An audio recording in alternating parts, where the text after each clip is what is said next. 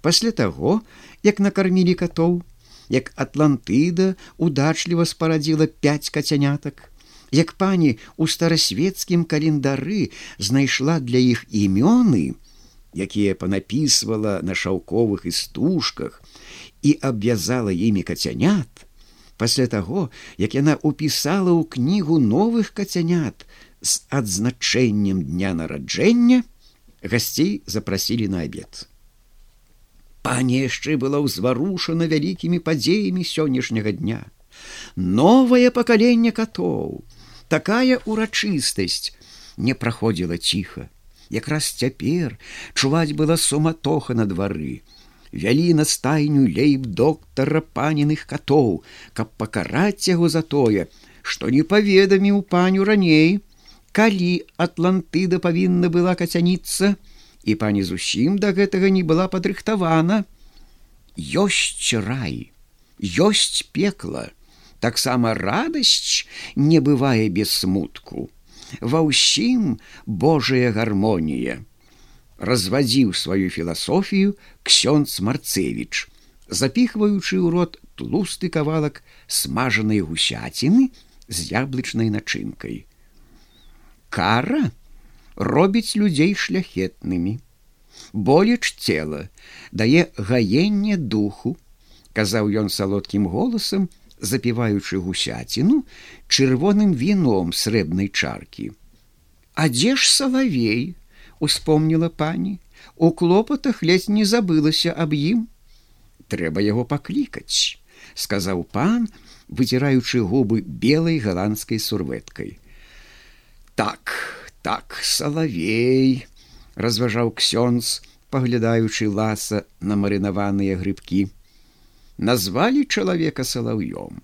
Але ж ён вые як воўк брэша по-сабачаму хрукае як свіння.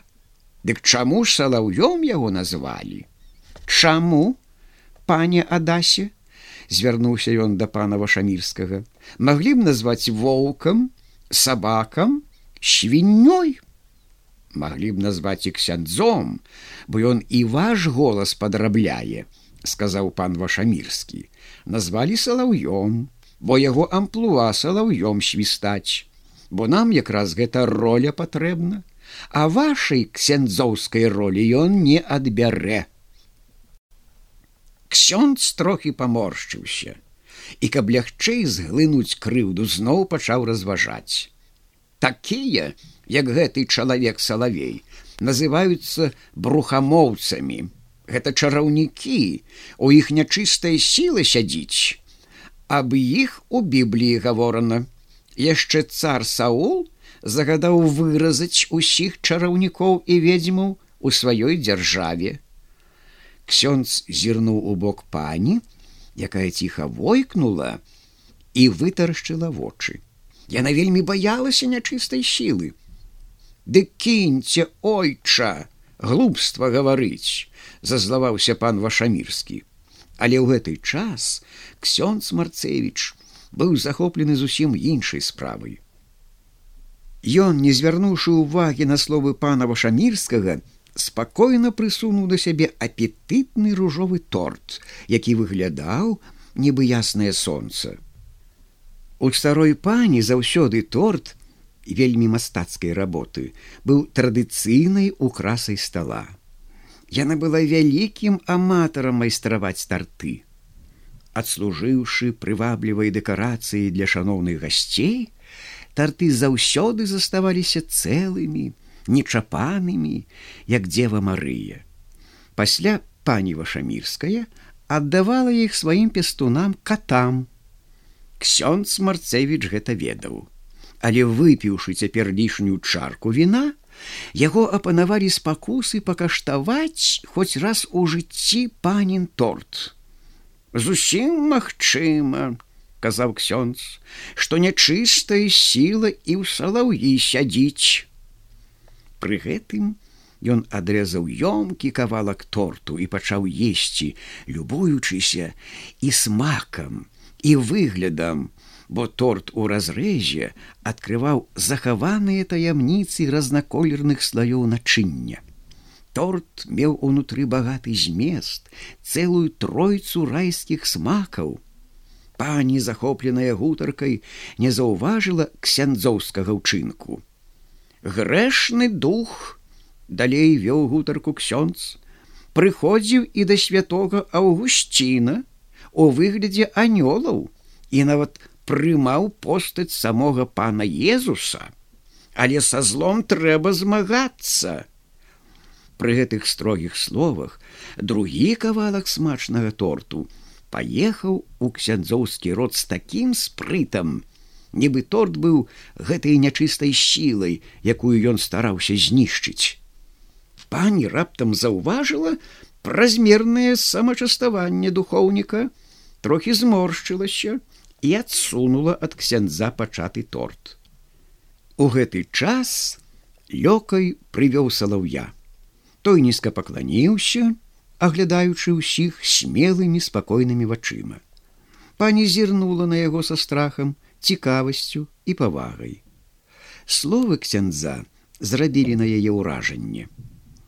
Ну, нячыстая сіла, пажартаваў пан, свісні салаўём. Салавей паказаў сваё мастацтва. Пані слухала спакойна, такая незацікаўленасць роднай маткі да свайго салаўя пану не зусім спадабалася. А што? звярнуўся ён да маткі. Эт, так і птушка можа, тысячу разоў чула. А ну, прастаўляй ксяндза, звярнуўся пан да салаўя.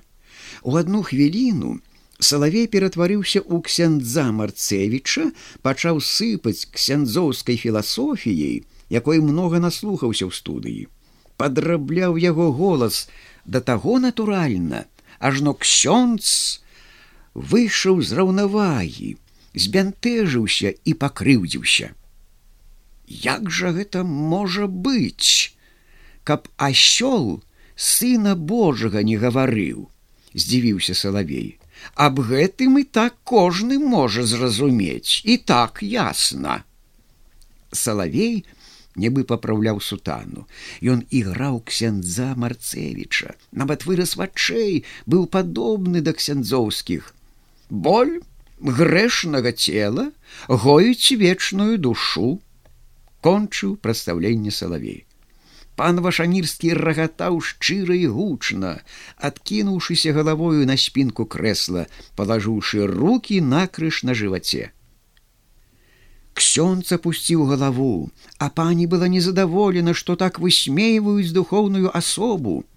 Так сам ксёнц патрапіць, тут ніякага дзіва няма, казала пані няласкавым тонам. Але ж тут ёсць мастацтва, гарачыўся пан, ёсць лес, які мы бачым штодня і не дзівімся яму, А калі гэты самы лес намалюе мастак, дык мы дзівімся малюнку, малюнак ужо ёсць мастацтва.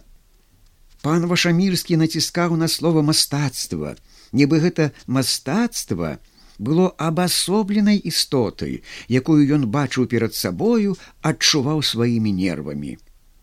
У салаўя таксама шмат мастацтва, кончыў свой доказ пан вашамірскі і выпрастаўся на сваім крэсле. Не мастацтва, абрухамоўства ціхім голасам паправіў пана ксёнц марцевич бліснуў набожнымі вачыма ў бок пані і зноў прысунуў да сябе пачаты торт нібы зброю супраць пана. Я прызнаю мастацтва толькі катоў казала пані і пагладзіла пры гэтым двух катоў якія сядзелі на яе каленях. А ну замяўкай звярнуўся пан вашамірскі да салаўя і бліснуў весела вачыма нібы знайшоў раптам вялікі скарб. Салавей пачаў мяўкаць. Дзікія кашачыя марцаўскія спевы ліліся з яго горла запоўнілі пакой ён на розныя лады перадаў мяўканне катоў. Мяўкаў нібы не адзін кот а десять у гэтых агідных галасах чулася роспач. Быццам рэзалі кагосьці па горле тупым шклом ці душылі вяроўкай. У гэтых жудасных хрыпах і стогнах была цяга самца да самкі. Пан заткнуў вушы. Уся чэлядь збеглася, спалоханая і здзіўленая. У пансіёне катоў пачулася занепакоенне, каты пачалі драпаць дзверы. Старая пані была ў захапленні. У яе засвяціліся вочы, як дзве свечкі, паружавеў твар. Яна не адрывала вачэй цалаўя, упівалася са смагай у гэты дзікі канцэрт. Ёй здавалася, нібы чуе гранне аргана ў касцёле, альбо спевы анёлаў у раі, што былі ёй знаёмы з яе уласных прарочых сноў, якія часта сніла. Ксёнц Марцевіч у гэты час з'еў увесь торт, пані не заўважыла. Вось гэта мастацтва, казала пані горача і шчыра, вось гэта я разумею, адно захапленне. Так, так, крыкнуў пан вашамірскі голасам пераможцы, так.